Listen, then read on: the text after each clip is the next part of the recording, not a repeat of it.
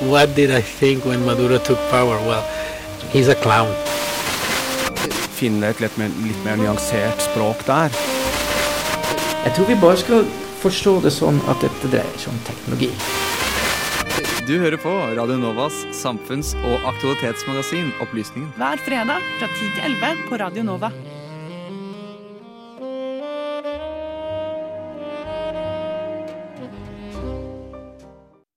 Og dreie seg om teknologi skal det også gjøre her i neste stikk. For gutter, vi må snakke litt om Facebook. For nå har Facebooks aksjeselskap byttet navn til Meta. Som skal reflektere selskapets satsing på både virtuell og augmentert eh, sånn heter, virkelighet i form av dette såkalte metaverset. Eh, kreativt lånt da fra Neil Stevensons roman 'Snow Crash'. Og Benjamin, hva vet vi om dette metaverset? Vi så jo blant annet en video før vi gikk inn i studio her. Ja, det er vanskelig å si hva man skal tolke ut fra den videoen. Den var veldig spesiell, om det er lov å bruke disse, disse ordene. Jeg kan ikke beskrive videoen litt først, da. Ja, vi ser altså Mark Zuckerberg som eh, introduserer denne nye, dette nye navnet, det nye konseptet Metaverse. Altså Facebook skal nå være meta. Tiden for meta har kommet, absolutt. Så oppe meg, altså foran meg så har jeg en eh, BBC-artikkel her, hvor han eh, siteres som å si Over time, I hope we are seen as a metaverse company, and I want to anchor our work and our identity on what we're building towards.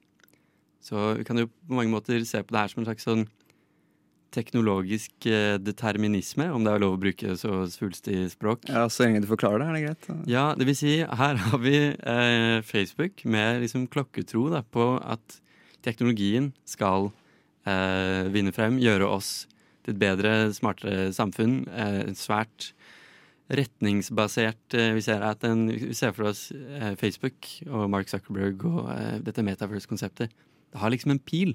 Det går, eh, går bare én vei, og det er mot fremtiden og, og, og et bedre samfunn og et bedre, ja, bedre Facebook, rett og slett. Så det er en tro på at teknologi er positivt og godt, og uansett eh, hvilken form det på en måte utarter seg i. Ser du, du Ja, men eh, ja, og det er jo utrolig interessant, for det viser jo at Mark Zuckerberg tolker på en måte Metaverse og denne ideen til Neil Stevenson i et veldig positivt lys. da.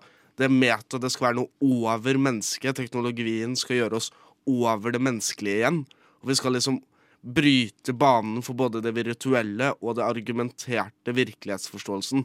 Men så er det utrolig interessant at han velger dette fra Neil Stevenson, en roman som er mildt sagt ganske kritisk av teknologi. Den settes i en ganske sånn anarkokapitalistisk. Det er et samfunn hvor disse gigantselskapene i denne fiksjonelle verden kontrollerer sine egne deler av byer og kontrollerer store deler av dagliglivet, og hvor et PC-virus har ødelagt menneskehjernen. Og da er det også veldig interessant å tenke litt i de baner på hvordan Facebook egentlig ønsker å endre menneskehjernen. da. Sebastian, hvordan på en måte Facebook har tatt over og endret måten vi tenker på.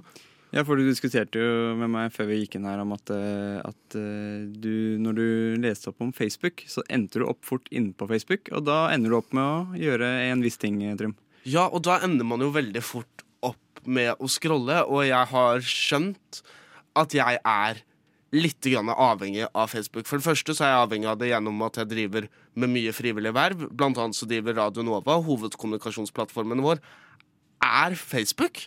Det er ikke til å stikke under en stol at det er Facebook, og jeg trenger det for å kunne holde meg oppdatert på alle arrangementene jeg driver med og skal være involvert i. Men jeg driver også dessverre igjen og mindlessly scroller nedover nyhetsfeeder. Og, og det, det skjer veldig autom på automatikk. da Det er som Facebook bare er sånn Å ja, men her er Du er interessert i kinesisk politikk, f.eks. Her er fem artikler om det på rad.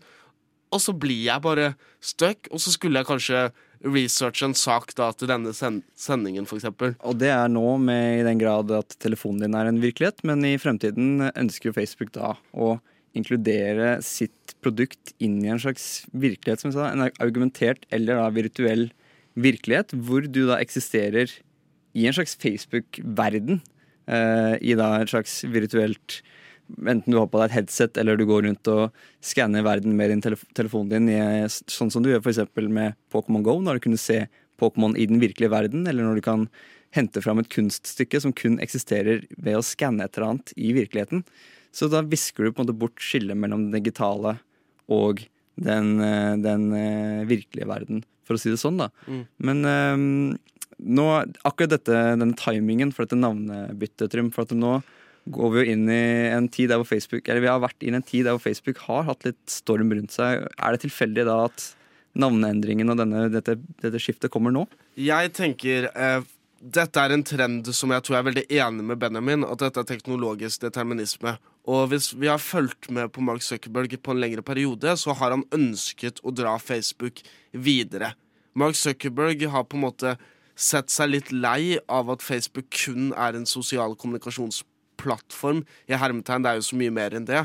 Og alle disse oppkjøpene de har drevet med de siste årene, er jo for å bare dominere videre sin på en måte markedsposisjon. Så jeg tror dette er på en måte en videreføring av Mark Zuckerbergs interesser om å bli, bli mer integrert i hjernen og i virkeligheten til folk. Jeg tror dette virkelig er Mark Zuckerbergs drøm er å på en måte viske litt ut forskjellen mellom virkelighet og teknologi, fordi han tror på teknologien. Men så skal det jo sies at selv om kanskje det kan se ut som Mark Zuckerberg har jobbet i lengre tid mot dette, så er lanseringstidspunktet likevel ikke tilfeldig, fordi Facebook har jo vært under ganske store kontroverser, da. Og det har du noe å si?